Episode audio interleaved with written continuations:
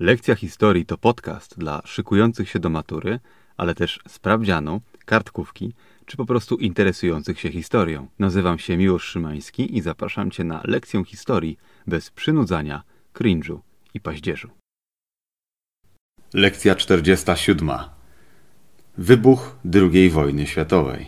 29 września 1938 roku premier Francji Daladier, premier Wielkiej Brytanii Chamberlain, premier Włoch Benito Mussolini i kanclerz Rzeszy Adolf Hitler spotkali się w Monachium, żeby rozwiązać sporną kwestię, jaką było istnienie Czechosłowacji. Oczywiście Daladier z Chamberlainem, jak przystało na miękkie faje, zgodzili się na żądania Hitlera i bez pytania o zdanie w ogóle Edwarda Benesza, który był prezydentem Czechosłowacji, pozwolili Niemcom dokonać jej rozbioru. Następnego dnia, 30 września 1938 roku, Neville Chamberlain stał sobie na tym lotnisku i wymachiwał tą kartką, mówiąc, że tutaj pokój naszych czasów, wszystko już będzie dobrze. Była to wielka cena, jaką Czechosłowacja musiała zapłacić, no ale teraz to już Hitler na pewno się uspokoi, na pewno się nasyci. Jakie musiało być jego zdziwienie, gdyby się okazało, że jest inaczej. Natomiast chciałbym, żebyście zapamiętali tę scenę, gdyż Neville Chamberlain moim zdaniem powinien być potępiony po czasy jako skończony idiota. W każdym razie, Czechosłowacji odebrane zostały ziemie, na których przeważała ludność niemiecka, czyli wszystkie te przygraniczne,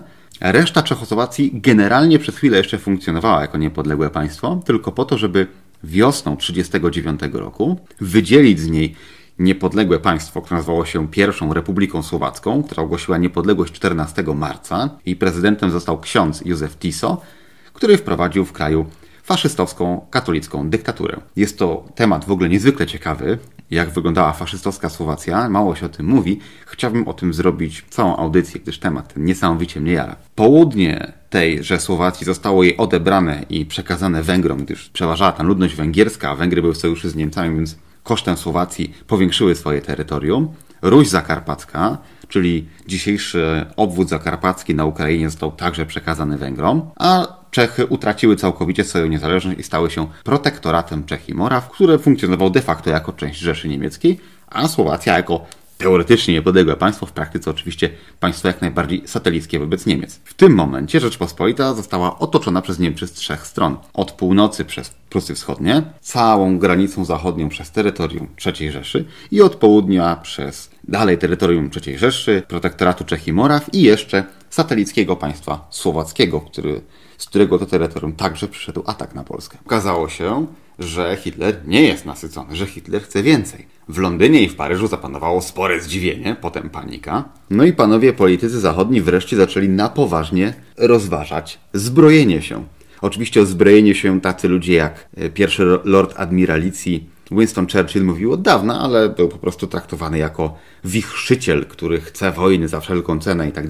Poza tym nie można się za bardzo dziwić społeczeństwu zachodnim, bo po horrorze I wojny światowej, która skończyła się ledwie 20 lat wcześniej, mało komu chciało się wszczynać kolejne wojny. Nikt nie chciał, żeby znów setki tysięcy ludzi ginęło w okopach za to, żeby front się wcale nie przesuwał. Niemniej jednak to nie oni dyrygowali całą sytuacją, gdyż inicjatywę już dawno przejął Hitler i to on kreował wypadki. Zachód był o tyle w kropce, że z jednej strony chciał powstrzymać Niemcy, ale z drugiej strony wiedział, że Polska nie jest w stanie zatrzymać Niemiec. Polska w sojuszu z krajami zachodnimi może, ale to by oznaczało, że Francja i Wielka Brytania musiałyby Niemcy zaatakować od zachodu. Była też opcja taka, żeby wspierać Związek Radziecki, który przecież w swojej retoryce i polityce od zawsze był przeciwny Niemcom, a Niemcy od zawsze były przeciwne Związkowi Radzieckiemu, komunizmowi, Słowianom jako takim. Polityka, która polegała na wspieraniu Związku Radzieckiego, pomijała fakt, że pomiędzy Związkiem Radzieckim a Niemcami jest jeszcze Polska. Stalin bardzo chętnie chciał współpracować z Francją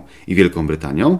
Uważał tylko, że y, jak najbardziej on chętnie się przyłączy do każdego sojuszu przeciwko Niemcom, no ale pod warunkiem, że kraje zachodnie, zachodnie uznają, że wschodnia Europa leży w, w strefie wpływów radzieckich. Y, do tej Europy Wschodniej zaliczała się Finlandia, Estonia, Łotwa, Litwa, Polska, Rumunia. Zachód nie był zbyt chętny y, dawać Związkowi Radzieckiemu no, przyzwolenia, można powiedzieć, na anektowanie tych wszystkich terytoriów, albo żeby traktować je jak swoje własne. W związku z powyższym sojusz brytyjsko-francusko-radziecki nie doszedł do skutku. Zamiast, zamiast tego Wielka Brytania i Francja postanowiły jednak wspierać Polskę, gdyż ona była jedyną nadzieją, żeby te Niemcy powstrzymać, które Wszyscy już wtedy wiedzieli, że dążą do wojny za wszelką cenę. Niemcy natomiast były bardzo zainteresowane rozszerzeniem swoich wpływów na wschód, to znaczy na tereny polskie, ponieważ zarówno Niemcy, jak i Związek Radziecki mówiły o Rzeczypospolitej, że jest to kraj, który istnieć nie powinien,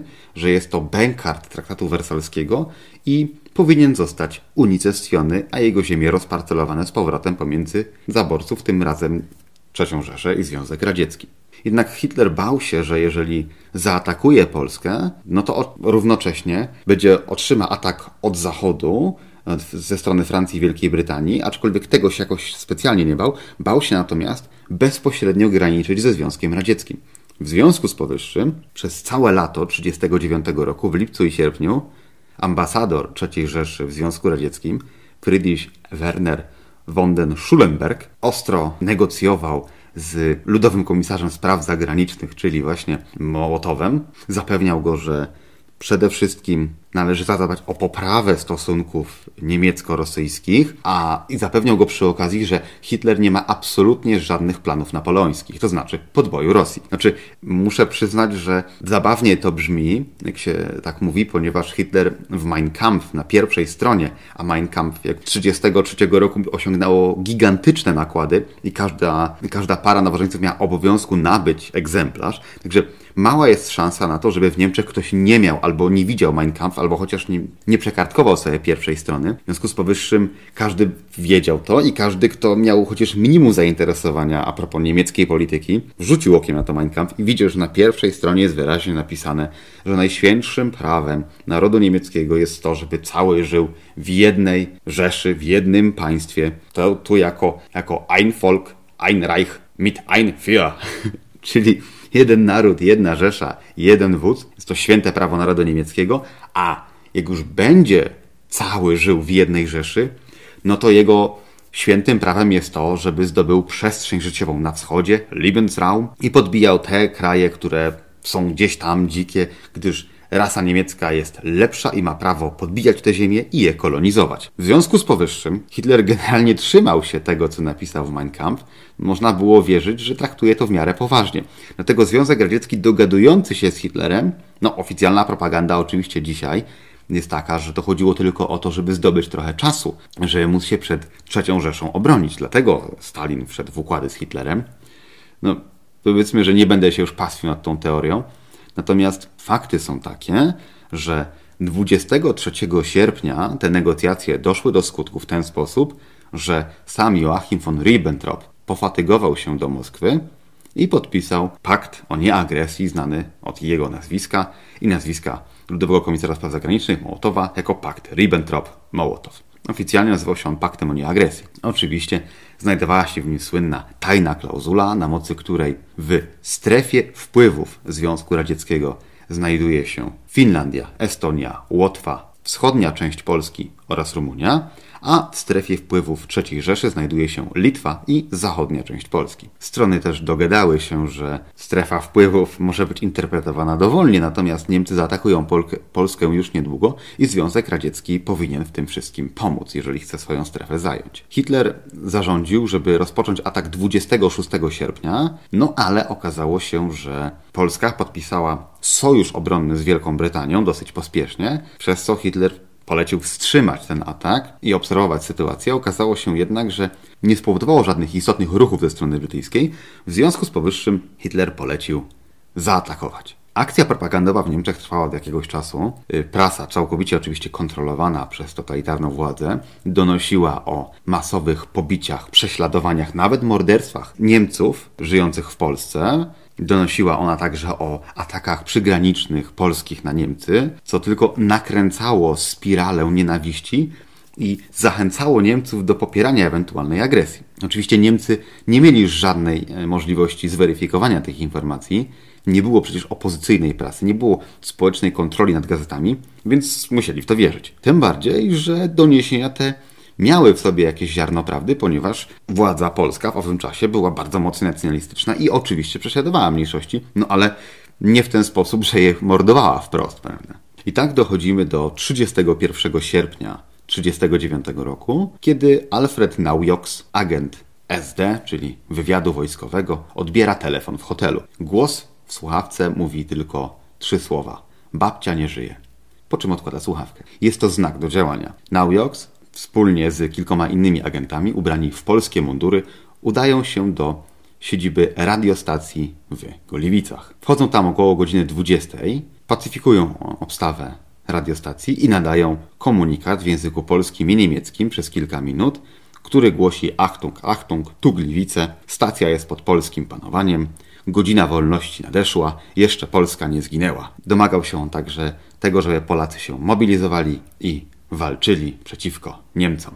Była to oczywista prowokacja. Dość powiedzieć, że Gliwice znajdowały się wtedy po niemieckiej stronie granicy, 8 km dokładnie od granicy. W związku z powyższym Hitler mógł po sprokurowaniu takiego ataku w cudzysłowie posłużyć się tym jako wymówką, że proszę bardzo, to Polska nas zaatakowała jako pierwszych, a my się teraz będziemy bronić. A to, że nasze wojska zbierają się na granicy do jakiegoś czasu, to jest tylko oczywiście przypadkiem. I tak oto o 4.45 wojska niemieckie przekraczają polską granicę na całej długości. Od północy, od zachodu i od południa. Przekraczają ją także wojska słowackie, które zmierzają w kierunku Tarnowa. Warto o nich wspomnieć. 1 września to piątek.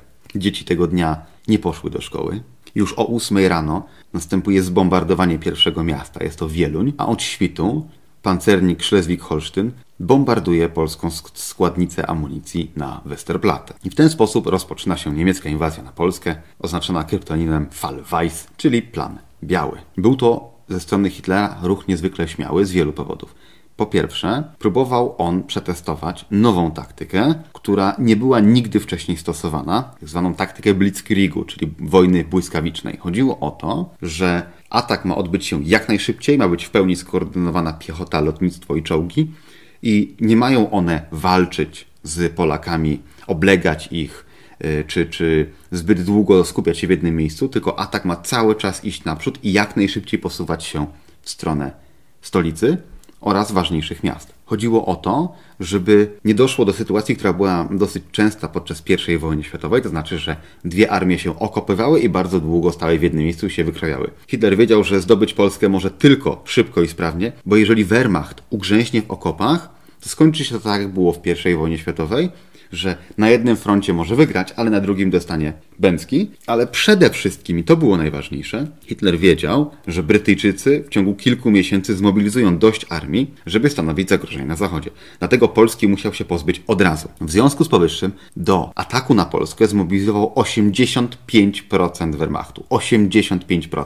Zachodniej granicy z Francją na linii Zykryda strzegły jednostki zapasowe, dosłownie rezerwiści, obsługi działu, dosłownie nikogo więcej tam nie było. Wszystkie samoloty, czołgi i niemal cała piechota była skierowana na atak na Polskę. Jak wyglądała różnica sił? Niemcy mieli niemal 2 miliony żołnierzy, Polska wystawiła milion.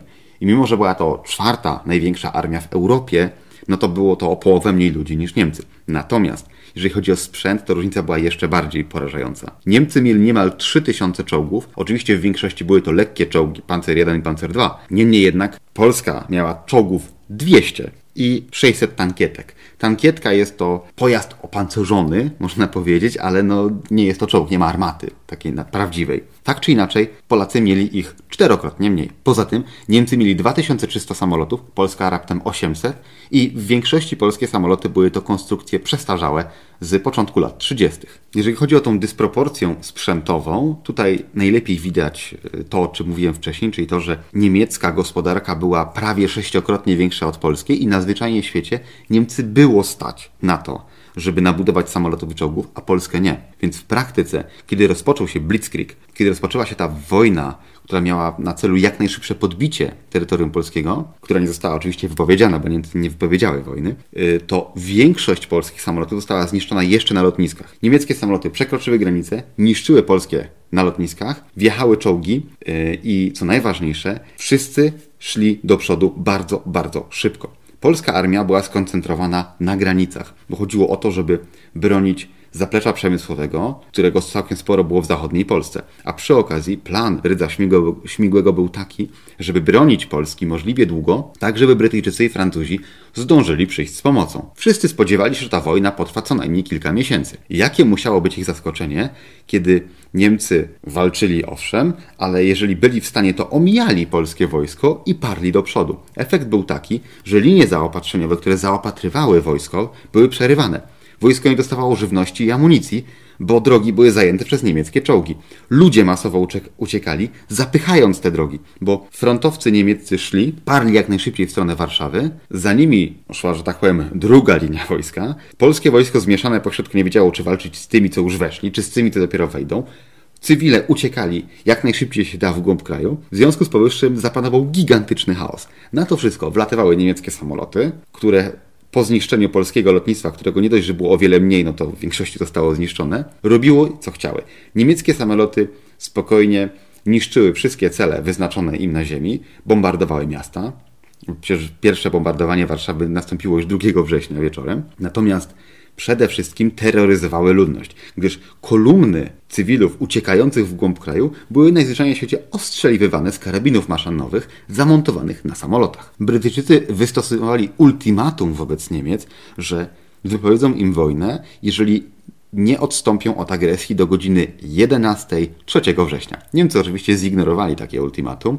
Brytyjczycy wypowiedzieli Niemcom wojnę i dokonali nalotu na zachodnie Niemcy. Zachodnie Niemcy zostały zbombardowane ulotkami, sześcioma milionami ulotek, które głosiły, że Niemcy, wasz rząd wepchnął was w wojnę, której nie wygracie. Wojnę, która przyniesie waszemu krajowi zniszczenie. Odstąpcie, nie popierajcie swojego rządu. No, y, ludzie w Niemczech mieli dużo do powiedzenia, także oczywiście był to nalot niezwykle skuteczny, aczkolwiek treść tych ulotek była prawdziwa, bo Niemcy w końcu tę wojnę przegrają. No, ale nastąpi to dopiero za sześć długich lat. Polski rząd był wściekły, ponieważ Brytyjczycy obiecali, że będą używać takich bombardowań bomb, a nie ulotek. Francuzi obiecali, że w ciągu 13 dni od ogłoszenia mobilizacji zaatakują zachodnie Niemcy. Zamiast za to Anglicy zrzucali ulotki, a Francuzi wysłali kilka oddziałów, żeby zaatakowały kraj Sary, wokół miasta Saarbrücken, na zachodzie Niemiec i weszły w głąb Niemiec na 8 czy 10 kilometrów i to mniej więcej tyle, co zrobiły mocarstwa zachodnie, które obiecały bronić Polski. Tymczasem Niemcy, którzy przesuwali się w głąb Polski, czasami nawet o kilkadziesiąt kilometrów na dobę, już trzeciego zaliczyli już pierwsze zbrodnie przeciwko ludzkości. W Wieruszowie, w Wieruszowie zebrano kilkudziesięciu mieszkańców Wieruszowa pochodzenia żydowskiego i rozstrzelano ich na miejscu za sam fakt, że byli Żydami. W Mroczy pod Bydgoszczą Niemcy rozstrzelali polskich żołnierzy, którzy się poddali. Część z nich, żeby nie marnować amunicji, zagnali do domu, który następnie zamknęli i podpalili. I tak oto już w pierwszych dniach wojny nikt nie miał wątpliwości, że konwencja genewska, prawa człowieka i w ogóle to wszystko Niemców już nie obchodzi, gdyż będzie to wojna totalna. Jednak rozstrzeliwywanie jeńców czy okrucieństwa na ludności cywilnej wtedy poruszały sumieniami ludzi, okazały się być tylko przygrywką do tych okropieństw, jakie ta wojna dopiero przyniesie. Tymczasem w ciągu tygodnia, dokładniej 8 września, generał List podchodzi już ze swoją armią na przedmieście Warszawy. Rząd polski oczywiście odważnie postanawia się wycofać w głąb, w głąb kraju, początkowo do Brześcia nad Bugiem, a w tym samym czasie zaczyna się bitwa nad Bzurą, która była największą bitwą kampanii wrześniowej, której wzięła udział przede wszystkim Armia Poznań, która została najzwyczajniej w świecie ominięta, ponieważ ataki niemieckie szły ze Śląska w kierunku Łodzi dalej Warszawy i z Prów Wschodnich na południe w kierunku Łodzi i generalnie omijały one Wielkopolskę, która została zajęta dopiero troszeczkę później,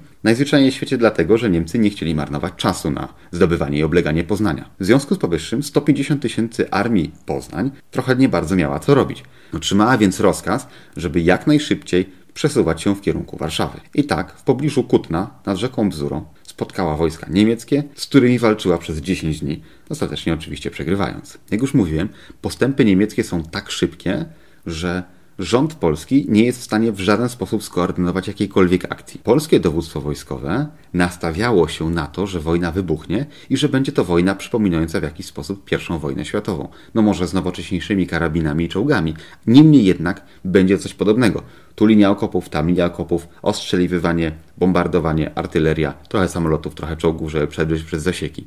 A okazało się, że Niemcy postawili na kompletnie inną taktykę, której nikt nie był w stanie się przeciwstawić i jak się okaże, uwaga, spoiler alert, pół roku później Niemcy wykorzystają identyczną taktykę wobec wielkiej, potężnej Francji, która także padnie w kilka tygodni. W listach pisanych z frontu przez żołnierzy niemieckich często pojawia się stwierdzenie, że oczywiście listy te były sprawdzane i cenzurowane i tak dalej. Niemniej jednak wielu żołnierzy wspominało o tym, że wojna z Polską bardzo przypominała manewry, gdyż wszystko idzie dokładnie zgodnie z planem, ze scenariuszem, jaki został wyprodukowany wcześniej. Po dwóch tygodniach sytuacja Polski jest dramatyczna, gdyż niemieckie wojsko zajęło połowę kraju, otoczyło Warszawę, otoczyło wszystkie główne miasta, część już została zdobyta. Rząd śle rozpaczliwe depesze po całym świecie prosząc o jakąkolwiek pomoc, oczywiście pomoc ta nie nadchodzi, i na to wszystko 17 września granicę na całej długości przekraczają wojska radzieckie. Naczelny dowódca Wojska Polskiego, marszałek Śmigły Ryc, mówi, żeby z Sowietami nie walczyć i jakikolwiek starć unikać. W związku z powyższym postęp Armii Czerwonej jest bardzo szybki i nie ma ona praktycznie żadnych strat, gdyż po pierwsze niemal całe wojsko zostało skoncentrowane na zachodzie, ponieważ nikt się nie spodziewał ataku ze wschodu, a po drugie ci, którzy tam ewentualnie zostali, to rezerwiści, którym jeszcze marszałek powiedział, żeby za bardzo nie walczyli. Efekt jest taki, że rząd oczywiście ucieka z Brześcia nad Bugiem do miasta Kuty na granicy z Rumunią i w momencie, kiedy atakuje Związek Radziecki, czyli 17 września, przekracza on granicę w Kutach, przedostając się w ten sposób do Rumunii, gdzie zostaje on internowany przez władze rumuńskie. Gdzie niegdzie trwają jeszcze walki. Warszawa jest oblężona, Lwów jeszcze nie został zdobyty, Hel się broni, broni się jeszcze kilka innych miejsc oraz oraz regularne oddziały, które nie zostały jeszcze wyłapane przez armię niemiecką albo radziecką. Kiedy to 20 września Hitler przybywa do Gdańska, gdzie po pierwsze manifestuje, że Gdańsk oto wrócił do Rzeszy, a po drugie odbywa sobie konferencję z wysoko postawionymi lekarzami i członkami partii, na której to postanawiają, że przyszedł czas na to, żeby zadać litościwą śmierć chorym psychicznie mieszkańcom Rzeszy. Hitler uznał, że skoro rozpoczął wojnę, cały świat jest, będzie skupiony na wojnie, a nie na tym, że w Niemczech eksterminuje się kilkadziesiąt tysięcy osób chorych na depresję, epilepsję, ale także na homoseksualizm, ponieważ propaganda III Rzeszy była taka, że homoseksualizm był jednak chorobą. W tym samym czasie Reinhard Heydrich konstruuje plan nowej polityki niemieckiej wobec ludności żydowskiej. Polega ona na tym, żeby przywrócić średniowieczną koncepcję gett, w których Żydzi będą przetrzymywani. Chodziło o to, żeby Żydów, wszystkich Żydów mieszkających na terenie zajętych ziem polskich, byłej Polski, jak oni to nazywali, skupić w kilku miastach, wydzielonych, wybranych i w tychże miastach nie, nie się dla Żydów całych miast, tylko wyznaczyć im specjalne dzielnice. I tak powstaje Pierwsze getto w Lublinie, potem getto w Łodzi, w Warszawie itd., tak do których zwożeni są Żydzi z pozostałych terenów. 27 czerwca sytuacja w Warszawie jest już rozpaczliwa. Miasto płonie, na niebie niepodzielnie dominują Niemcy, obrona go dalej nie ma już żadnego sensu, w związku z powyższym miasto się poddaje.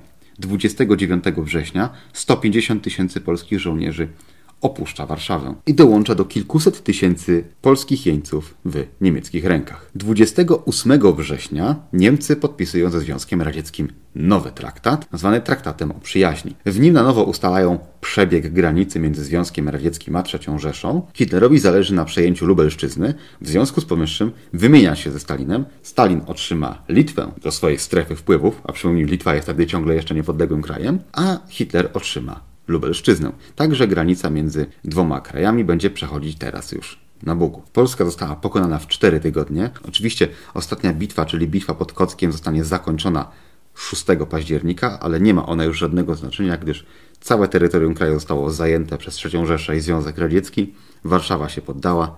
Rząd uciekł za granicę, gdzie został internowany. W związku z powyższym 30 września powstaje w Paryżu nowy rząd polski z Władysławem Raczkiewiczem jako prezydentem. Zgodnie z konstytucją został on wyznaczony przez Ignacego Mościckiego, a premierem zostaje generał Władysław Sikorski.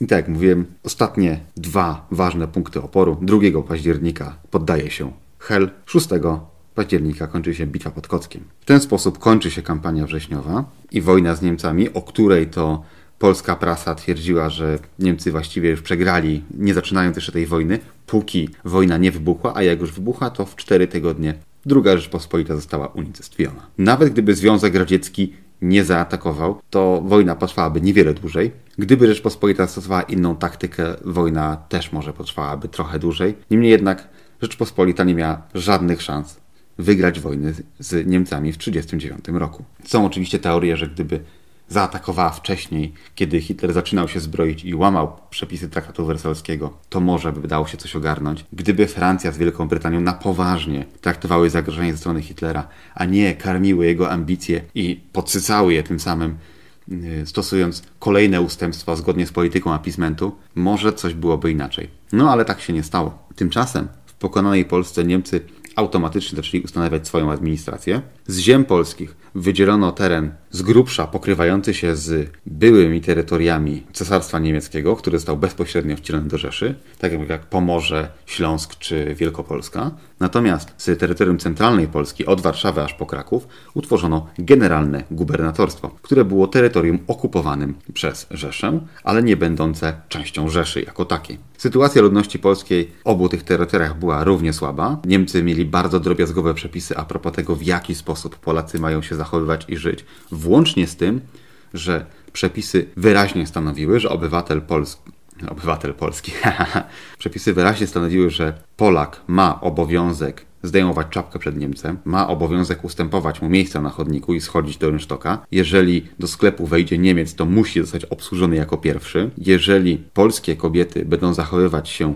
wobec Niemców niegrzecznie, niekulturalnie, po chamsku albo jakikolwiek sposób naruszą ich dobre samopoczucie, to trafią do burdeli. Natomiast jeżeli mężczyźni będą zachowywać się w podobny sposób, to zostaną najsurowiej ukarani. Co to oznaczało, nie do końca wiadomo, ale można spodziewać się ciężkiego pobicia albo nawet zabicia. Na tereny wcielone do Rzeszy od razu zaczęto sprowadzać osiedleńców z głębi Niemiec, natomiast Polaków wysyłano do pracy w fabrykach w głębi Rzeszy. Jeżeli chodzi o generalne gubernatorstwo, to bardzo szybko ustanowiono bardzo podobną politykę, polegającą na tym, żeby osiedlać tam Niemców, Polaków wysyłać w głąb Rzeszy, tak żeby jak najbardziej osłabić wolę walki ludności. Oczywiście Niemcy przystąpili także do planowej eksterminacji polskiej inteligencji. Profesorowie uniwersytetów, nauczyciele, księża nawet, ale także leśnicy, którzy zbyt dużo wiedzieli o lasach i tym, jak się chować, i często też kolejarze, byli zbierani przez Wehrmacht, ale głównie jednak SS i rozstrzeliwywani na miejscu. Plan Niemiec był prosty.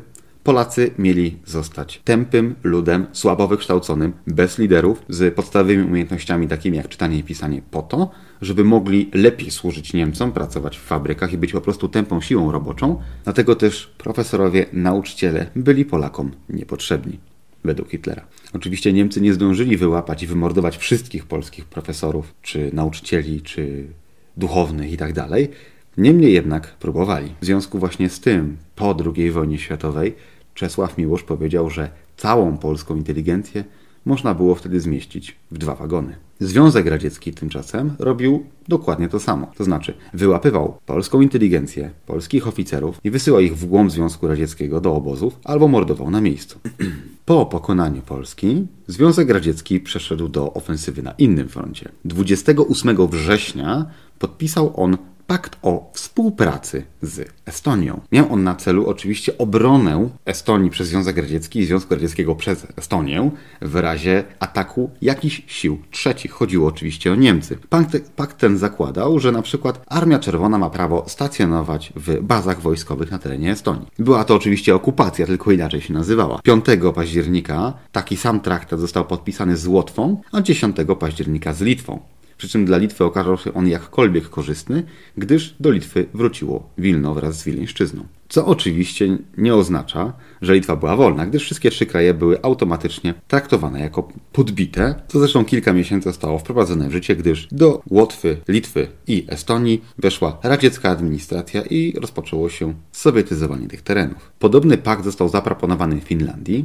Niemniej jednak Finlandia postanowiła się oprzeć. Finlandia nie zgadzała się na propozycję Związku Radzieckiego o wzajemnej współpracy, tym bardziej, że Związek Radziecki domagał się od Finlandii tego, żeby oddała mu półwysep Hanko, który znajduje się na wejściu do Zatoki Fińskiej. Związek Radziecki domagał się także kilku wysp pod Helsinkami, z których mógłby kontrolować miasto poprzez zainstalowanie tam artylerii. Następnie Związek Radziecki domagał się także przesmyku karelskiego, czyli tego pasa ziemi pomiędzy Bałtykiem a jeziorem Ładoga, w którym znajdowały się wszystkie fińskie umocnienia, więc nie było to oczywiście możliwe. Oprócz tego Związek Radziecki domagał się także portu Petsamo, który był fińskim portem wychodzącym na Ocean Arktyczny. W zamian za to Związek Radziecki oferował spory kawałek Karelii, który w praktyce był po prostu lasem z jeziorami. Oczywiście takie warunki były dla Finlandii nie do przyjęcia, więc negocjacje na ten temat i rozmowy trwały dosyć długo, gdy Związek Radziecki starał się Finlandię przekonać z każdej strony, żeby się jednak ugięła. W czasie, gdy trwały negocjacje Finlandii ze Związkiem Radzieckim, okręt podwodny ORP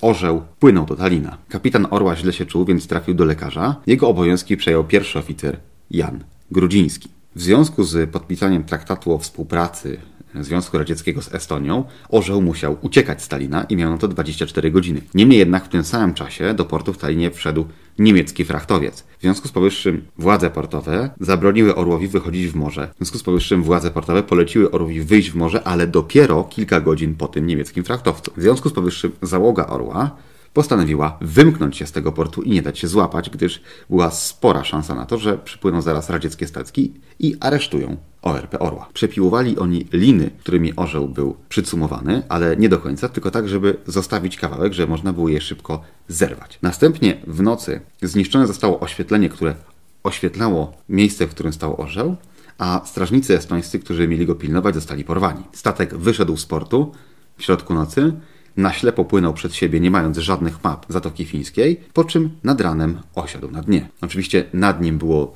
dużo wrogich statków, które chciały go zniszczyć. Były zrzucane bomby głębinowe. Statek jednak bezpiecznie znajdował się na dnie i czekał. Kiedy zapadła znów noc, statek wynurzył się i wtedy marynarze połapali się, że znajdują się właśnie u wyjścia z Zatoki Fińskiej. Nie mieli oni żadnych map, jak już mówiłem.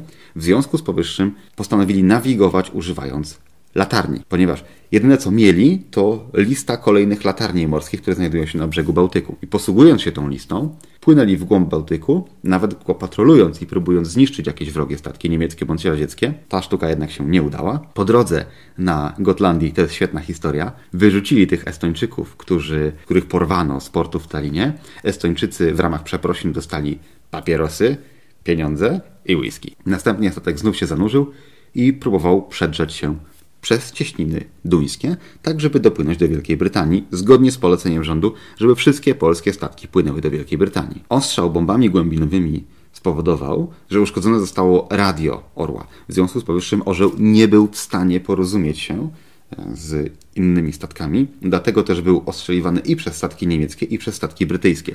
Wreszcie u wybrzeży Szkocji znów osiadł na dnie, udało się marynarzom naprawić radio i dzięki temu mogli nadać bardzo słaby sygnał do Brytyjczyków, że oto my, ORP Orzeł, statek sojuszniczy, pozwólcie nam wejść do portu.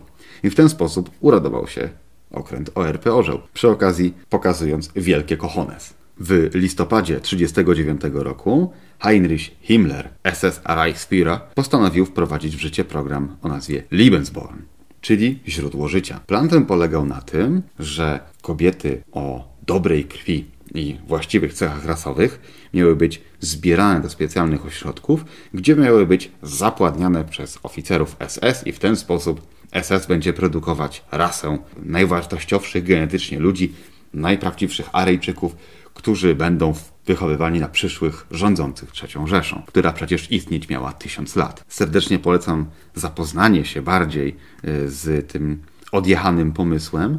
Mamy duży ośrodek Libensbornu w Polsce, mianowicie jak się jedzie ze Świdnicy do Wałbrzycha krajówką numer 35, to przy drodze stoi taki wielki, smutny, opuszczony pałac. W nim był jeden z ośrodków Lebensbornu. Dość powiedzieć, że ponieważ program rozpoczęty, został w 1939 roku i te dzieci miały być wychowywane w tych ośrodkach, nie znając swoich prawdziwych rodziców, bardzo wiele z tych dzieci żyje do dzisiaj. To są oczywiście dzisiaj staruszkowie, którzy nie wiedzą nic o swoim pochodzeniu, oprócz tego, że pochodzą z Lebensbornu. Jest o nich bardzo ciekawa książka, serdecznie polecam się zapoznać. Tymczasem negocjacje rządu fińskiego z rządem radzieckim dochodzą nigdzie. Stalin jest wkurzony, że tak długo to trwa, poleca więc zorganizować jakąś prowokację, żeby po prostu już zaatakować tę Finlandię i mieć ten problem z głowy. Dlatego też 26 listopada fińscy żołnierze znajdujący się na granicy rejestrują ostrzał artyleryjski. Na podstawie obserwacji i wyliczeń, skąd padały pociski, wychodzi im, że wojsko radzieckie ostrzelało własne terytorium 800 metrów od granicy. Artyleria fińska oczywiście znajdowała się daleko, daleko w głąb kraju, gdyż głównodowodzący armii fińskiej Karl Gustav Mannerheim przewidział, że Sowieci mogą próbować podobnych prowokacji albo mogą uznać, że obecność fińskiej artylerii jest zagrożeniem dla nich i zaatakować, więc wycofał całą artylerię w głąb kraju. No ale dokładnie taka sytuacja się wydarzyła. Rząd radziecki oczywiście powiedział, że było to atak Finlandii na terytorium Związku Radzieckiego i teraz Związki, Związek Radziecki będzie się bronić. Bronić, dopóki kamień na kamieniu nie zostanie. I tak 30 listopada Armia Czerwona atakuje Finlandię. Wojna północna, albo wojna zimowa, jak jest ona znana, była katastrofą dla Armii Czerwonej. Finlandia wystawiła 300 tysięcy żołnierzy, Związek Radziecki około 600 tysięcy żołnierzy. Przy okazji Finowie mieli 30 czołgów i 100 samolotów, a Związek Radziecki miał od 2 do 6 tysięcy czołgów i 3 tysiące samolotów. Niemniej jednak przewaga sprzętowa nie była zbyt im potrzebna, ponieważ Finowie chowali się przed wojskami radzieckimi. Finowie poruszali się po terytorium, które znali, na nartach, w białej odzieży i z daleka byli po prostu niewidoczni. Armia Czerwona nie była w stanie w skuteczny sposób nawiązać walki, ponieważ po prostu Finów nie widziała. W związku z tym postanowili zbombardować Helsinki i była to największa tragedia w historii Finlandii. Bombardowanie Helsinek było potem pokazywane we wszystkich kinach i w gazetach i tak dalej, żeby zmobilizować Finów do obrony. Atak radziecki, który jak mówiłem nastąpił 30 listopada, miał się zgodnie z planem zakończyć na 60. urodziny towarzysza Stalina, czyli 20 grudnia. To znaczy Sowieci myśleli, że zdobędą Finlandię w trzy tygodnie. To się nie udało. Wojna się przedłużała. A Armia Czerwona była tak pewna, że uda im się pokonać Finów szybko i sprawnie, że żołnierze radzieccy nie zostali nawet wyposażeni w zimowe mundury. Szli w letnich, bo przecież szybko pójdą, zdobędą i już będą mogli wracać. Jak spojrzycie sobie na mapę okolic Petersburga, to około 100 kilometrów na północny zachód od Petersburga zobaczycie miasto Wyborg. W owym czasie nazywało się Viipuri i było drugim największym miastem Finlandii po Helsinkach. Natomiast granica między Finlandią a Związkiem Radzieckim przebiegała 50 km od centrum Petersburga. Granicznym miastem było miasto Terijoki, dzisiaj znane jako Zilenogorsk, a Zilenogorsk jest dziś dzielnicą Petersburga. Tak blisko była Finlandia Petersburga. No i w tymże Terijoki, mieście, które zostało ewakuowane w momencie rosyjskiego ataku, powstał komunistyczny rząd Finlandii, którego premierem mianowano Otto Kusinena. Otto Kusinen był człowiekiem, który walczył w rewolucji fińskiej w 1917 roku, jednym z przywódców czerwonych, czyli tych komunistów fińskich. Oczywiście komuniści fińscy przegrali, więc uciekli do Związku Radzieckiego. Wszyscy członkowie rządu Otto Kusinena także byli ze Związku Radzieckiego. Tak jak mówiłem, miasto było ewakuowane, było puste, nikogo tam nie było. Nie było nawet kogo takiego rządu zrekrutować. W związku z powyższym wszyscy traktowali ten rząd jako żart. Niemniej jednak Związek Radziecki traktował ten rząd jako legitny rząd fiński, który przecież sam w teczkach tam przywiózł. I z tym legitnym rządem fińskim w ciągu jednego dnia dogadał się w sprawie portów Hanko, w sprawie portu Petsamo, i tych wysp pod Helsinkami. Oczywiście to było tylko na papierze, bo te wszystkie porty i te wszystkie y, miejsca trzeba było jeszcze zdobyć. A Finlandia broniła się bardzo dzielnie. Głównym elementem obrony Finlandii przed Związkiem Radzieckim była tak zwana linia Mannerheima, a więc y, szereg umocnień, które znajdowały się pomiędzy Bałtykiem a brzegiem jeziora Ładoga. Umocnienia te nie były jakoś super mega potężne, nie były wielkie mury czy setki tysięcy bunkrów. Niemniej jednak w tym firtlu jest taka sytuacja, że teren jest bardzo podmokły, są dużo gęstych lasów i dużo jezior. W związku z powyższym, żeby przejść tamtędy na północ, najwygodniej jest kierować kilkoma drogami. Wszystkie one oczywiście zostały zaminowane. Doliny, którymi dało się spokojnie przejechać czołgiem, także zostały zaminowane. A ponieważ e, Armia Czerwona została pospiesznie wysłana na północ, to nie miała nawet wykrywaczy min. W związku z powyższym e, miny trzeba było rozbezpieczać w taki sposób, że po prostu maszerowali po nich ludzie. To świetnie pokazuje, w jaki, jakie było podejście Stalina do ludzi, którymi rządził. Kolejną ilustracją tego podejścia może być słynna Bitwa Kiełbasiana. Bitwa Kiełbasiana polegała na tym, że właśnie w, na przesmyku karelskim znajdował się obóz fiński. I w tym obozie fińskim znajdowała się kuchnia Finów. Finowie zostali zaskoczeni radzieckim atakiem, więc pospiesznie rozpieszli się po lesie, zostawiając kuchnię. Żołnierze radzieccy, którzy od dawna byli źle karmieni, jak zobaczyli kiełbasę, która gotuje się na tej kuchni, to przestali ścigać Finów i zabrali się do jedzenia. Finowie, widząc, że nie są ścigani, że Sowieci jedzą, zaczęli do nich strzelać. No i w ten sposób wygrali bitwę kiełbasianą. Nie było to oczywiście wielkie starcie, to był oddział kilkuset ludzi po każdej ze stron. Niemniej jednak pokazuje to, w jaki sposób, w jaki sposób Związek Radziecki prowadził tę wojnę. Wysłał ludzi nieprzygotowanych, źle wyposażonych, źle ich traktował. Po prostu Stalin chciał zepchnąć na Finlandię 600 czy 700 tysięcy żołnierzy, tak żeby Finlandia się przestraszyła i poddała. To jednak nie następowało. W trakcie wojny północnej jednym z największych jej cichych bohaterów był Simo Heiha.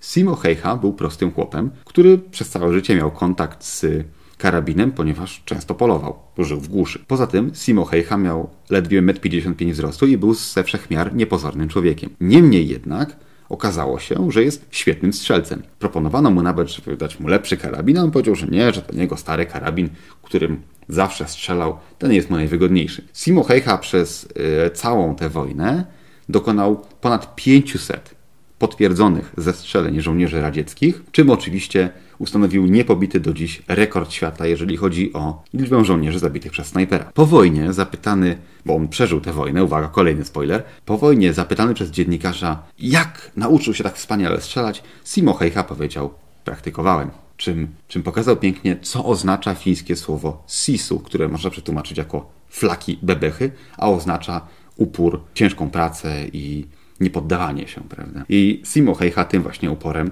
rozwalił 500 żołnierzy radzieckich, ponad 500 i to są tylko potwierdzeni, bo tych niepotwierdzonych pewnie jest jeszcze więcej. I podobnym uporem, dzięki SIS-u, Finlandii udało się przed Związkiem Radzieckim ostatecznie obronić. Dość powiedzieć, że w marcu 40 roku, po 3,5 miesiąca przedłużającego się konfliktu, wojna została przez Finlandię oficjalnie przegrana. Ale zwróćcie uwagę, w jaki sposób Finlandia tę wojnę przegrała. Finlandia faktycznie utraciła port Petsamo, tam daleko na północy. Finlandia musiała wydzierżawić kilka wysp pod Helsinkami i półwysep Hanko, ten na wyjściu do Zatoki Fińskiej i utraciła południową część Karelii. Granica Finlandii cofnęła się daleko na północ. Tym samym utraciła także to umocnienie na linii Mannerheima na przesmyku karelskim. Ale Finlandia nie utraciła swojej niepodległości. Straciła 10% strategicznie ważnego terytorium, ale dalej była niepodległym krajem i pozostała nim także po wojnie i Związek Radziecki nie tylko nie przyłączył jej jako kolejnej republiki, ale także Finlandia nie była państwem satelickim Związku Radzieckiego, tak jak była nią na przykład Polska czy Czechosłowacja. Oczywiście Finlandia prowadziła politykę ulegania Związkowi Radzieckiemu, niemniej jednak była krajem niepodległym. W owym czasie to było bardzo dużo, a dość powiedzieć, że Finlandia miała wtedy 4 miliony mieszkańców, a Armia Czerwona miała 4 miliony żołnierzy. Także to, że Finowie zdołali się obronić, było gigantycznym osiągnięciem i nie znam lepszej ilustracji właśnie dla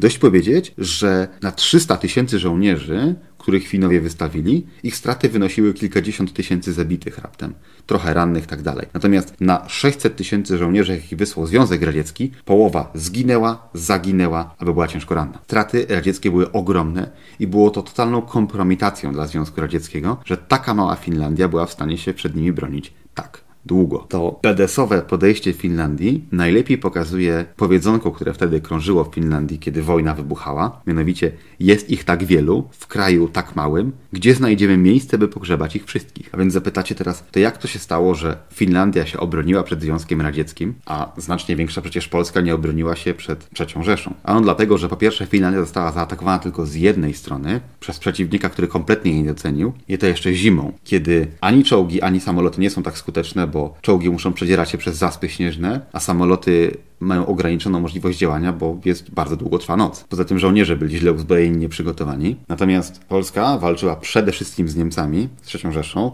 która miała nowoczesną technikę wojskową, nowoczesne podejście do wojny i taktykę, o której nikt wcześniej nie słyszał, czyli tego blitzkriegu. Poza tym Polska została zaatakowana z czterech stron przez dwa różne państwa. Dlatego też nie ma takiego scenariusza, w którym kampania wrześniowa mogła się skończyć sukcesem. Oczywiście wojna w 1939 roku toczyła się nie tylko w Polsce i w Finlandii, gdyż od 1937 roku trwała także wojna w Chinach. Japonia od 1937 roku systematycznie podbijała coraz większe kawałki Chin. Od, od 1932 podbiła już Mandżurię i ustanowiła tam swoje marionetkowe państwo zwane Mandżukuo, a potem Japonia postanowiła także podbić resztę Chin. Dochodziło nawet do walk ze Związkiem Radzieckim i Mongolią na granicy między Mandżurią a Mongolią. Dość powiedzieć, że potar potyczki te ze Związkiem Radzieckim skończyły się 31 sierpnia 1939 roku, a więc w przeddzień wybuchu wojny w Polsce, rosyjsko-mongolskim zwycięstwem, a dowodził wtedy rosyjsko-mongolską armią nie kto inny jak generał Georgi Żukow. Między innymi dzięki pomocy Związku Radzieckiego Mongolia, która była pierwszym krajem komunistycznym poza Związkiem Radzieckim, ponieważ przyjęła na komunizm w 1924 roku.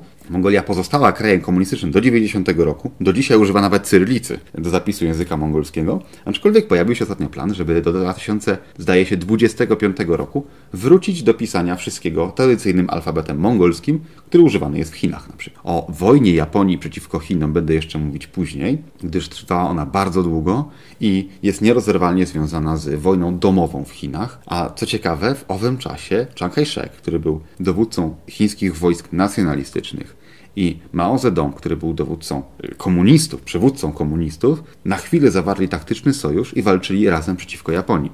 Oczywiście przeciwko Japonii walczył głównie Chiang Kai-shek, a komuniści chowali się za nim. Dlatego też po wojnie mieli więcej sił, żeby ostatecznie go obalić i w 1949 roku wprowadzić w Chinach komunistyczną dyktaturę. Jeżeli chodzi o rok 1939, to na razie tyle. To tyle na teraz. Cześć. Jeśli interesuje Cię historia poza materiałem szkolnym, to sprawdź moją drugą audycję za rubieżą. Jeśli podoba Ci się to, co robię, to możesz rozważyć wsparcie mnie na patronite.pl Milosz Szymański. Tworzę i mieszkam w kamperze. Jeśli interesuje Cię vanlife, to sprawdź kanał Wawrzyńcem na YouTube.